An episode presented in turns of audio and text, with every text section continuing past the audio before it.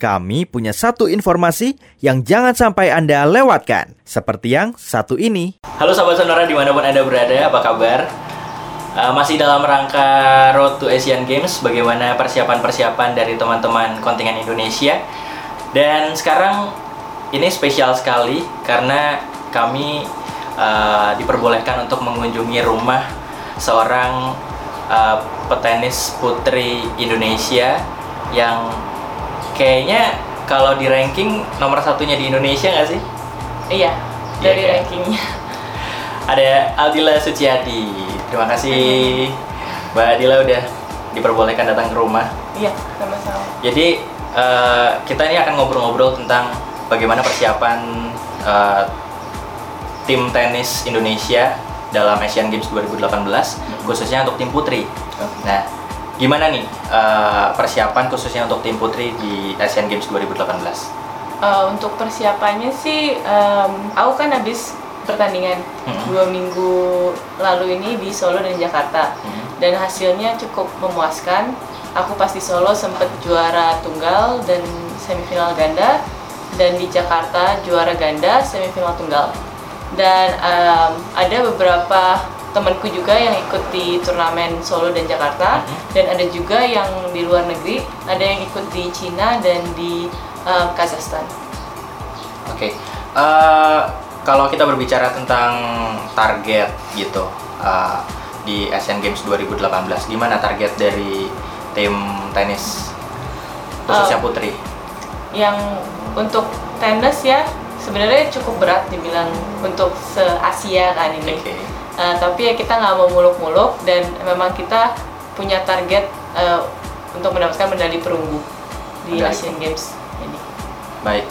Em, kita berbicara dulu tentang latihannya. Ini udah seperti apa nih latihannya dari kalau hari-hari biasa kayaknya kalau kita melihat tenis gitu ya eh, di Indonesia kayaknya kok sepi banget gitu. Gimana nih? Em, iya sih mungkin sepi karena kita nggak terlalu banyak turnamen di Indonesia. Mhm. jarang dan memang eh, setelah pergantian ini memang eh, sudah mulai ada perkembangan di Hmm. pertandingan tenis nasional maupun internasional dan memang baru internasionalnya baru ada dua untuk yang perempuan dan tiga untuk laki-laki dan semoga di ke depannya ini bisa ditambahkan lagi supaya banyak peminat yang mau main tenis di Indonesia dan juga mungkin marketing untuk tenisnya Oke. kayak di apa di koran-koran di TV itu kebanyakan kita cuma ngeliat sepak bola badminton tapi semoga aja nanti media bisa menyorot tenis juga dan bisa mengembangkan olahraga tenis Baik, amin. Amin. Semoga didengar ya sama bapak-bapak yang di atas sana. Tapi eh, gimana nih kalau dari segi nutrisi, dari segi makanan, ada ada nggak sih perbedaan dari latihannya, dari makanan-makanan dia asup ketika latihan atau pertandingan-pertandingan biasa dan kalau dibandingkan dengan Asian Games sekarang gitu gimana? Em, kita sih nggak ada diet yang khusus ya maksudnya kayak harus makan apa harus makan apa Hmm. tapi eh, kita lebih ke self discipline sendiri jadi Baik. kayak kita ngatur makan kita gimana Hmm. karena ini kan kalau tenis lebih ke individual Hmm. jadi nggak bisa kayak Tight banget ya? eh, nggak bisa kayak makan jam segini bareng-bareng gitu nggak kita pasti punya schedule pribadi masing-masing Mhm. Dan kita memang maksudnya makan ya yang maksudnya kita milih sendiri tapi juga harus kita yang nentuin maksudnya makannya mau apa dan untuk saat ini memang kalau aku sendiri pribadi lebih mengurangi makan yang manis-manis dan berlemak Oke. untuk persiapan Asian Games ini. Ini oh untuk Asian Games ya? Ya mulai Termasuk dari Asian sendiri juga? Games, tapi Oh, iya. sendiri. Supaya kan ini buat ke depannya juga, Hmm. nggak cuma sampai Asian Games kan. Oke.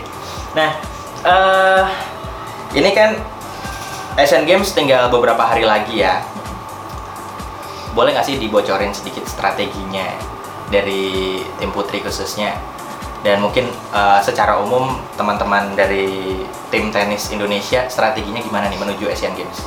Em, mungkin untuk strategi em, kita lebih kan karena dilihat memang pemain-pemainnya eh, banyak yang di atas kita Mhm. Untuk apa namanya kompetisinya.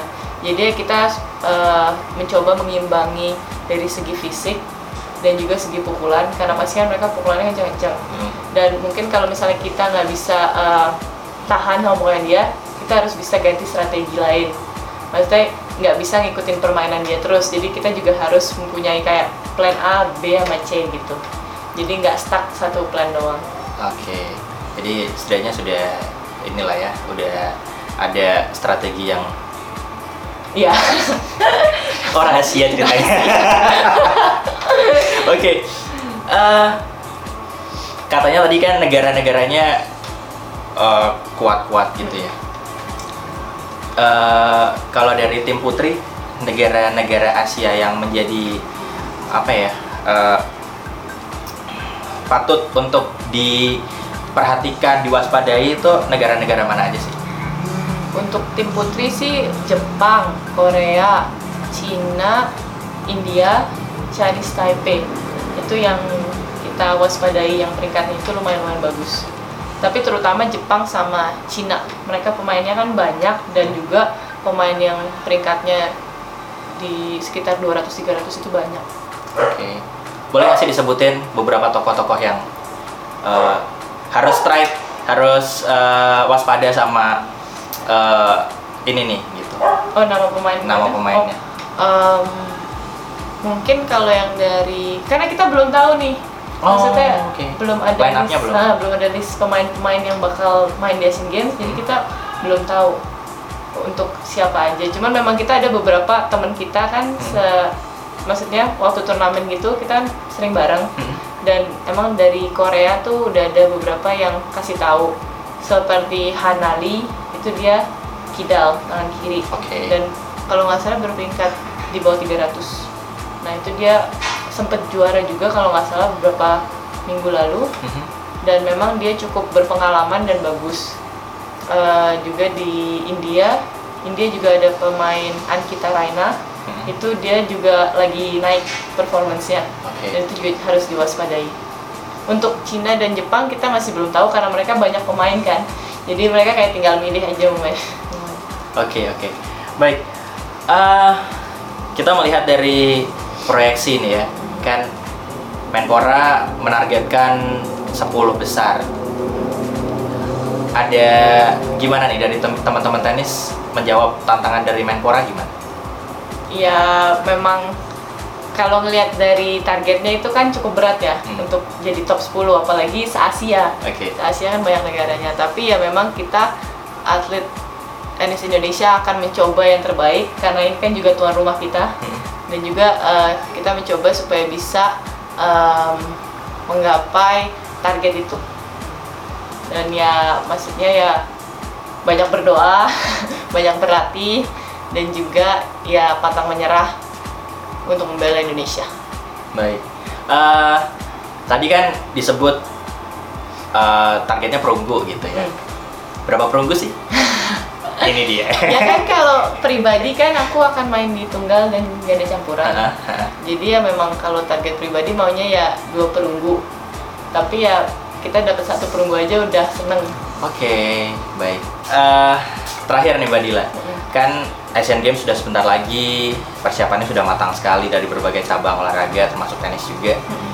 Eh, apa sih harapannya yang akan eh, diinginkan oleh seorang Dila gitu untuk kontingen Indonesia pada umumnya di Asian Games 2018?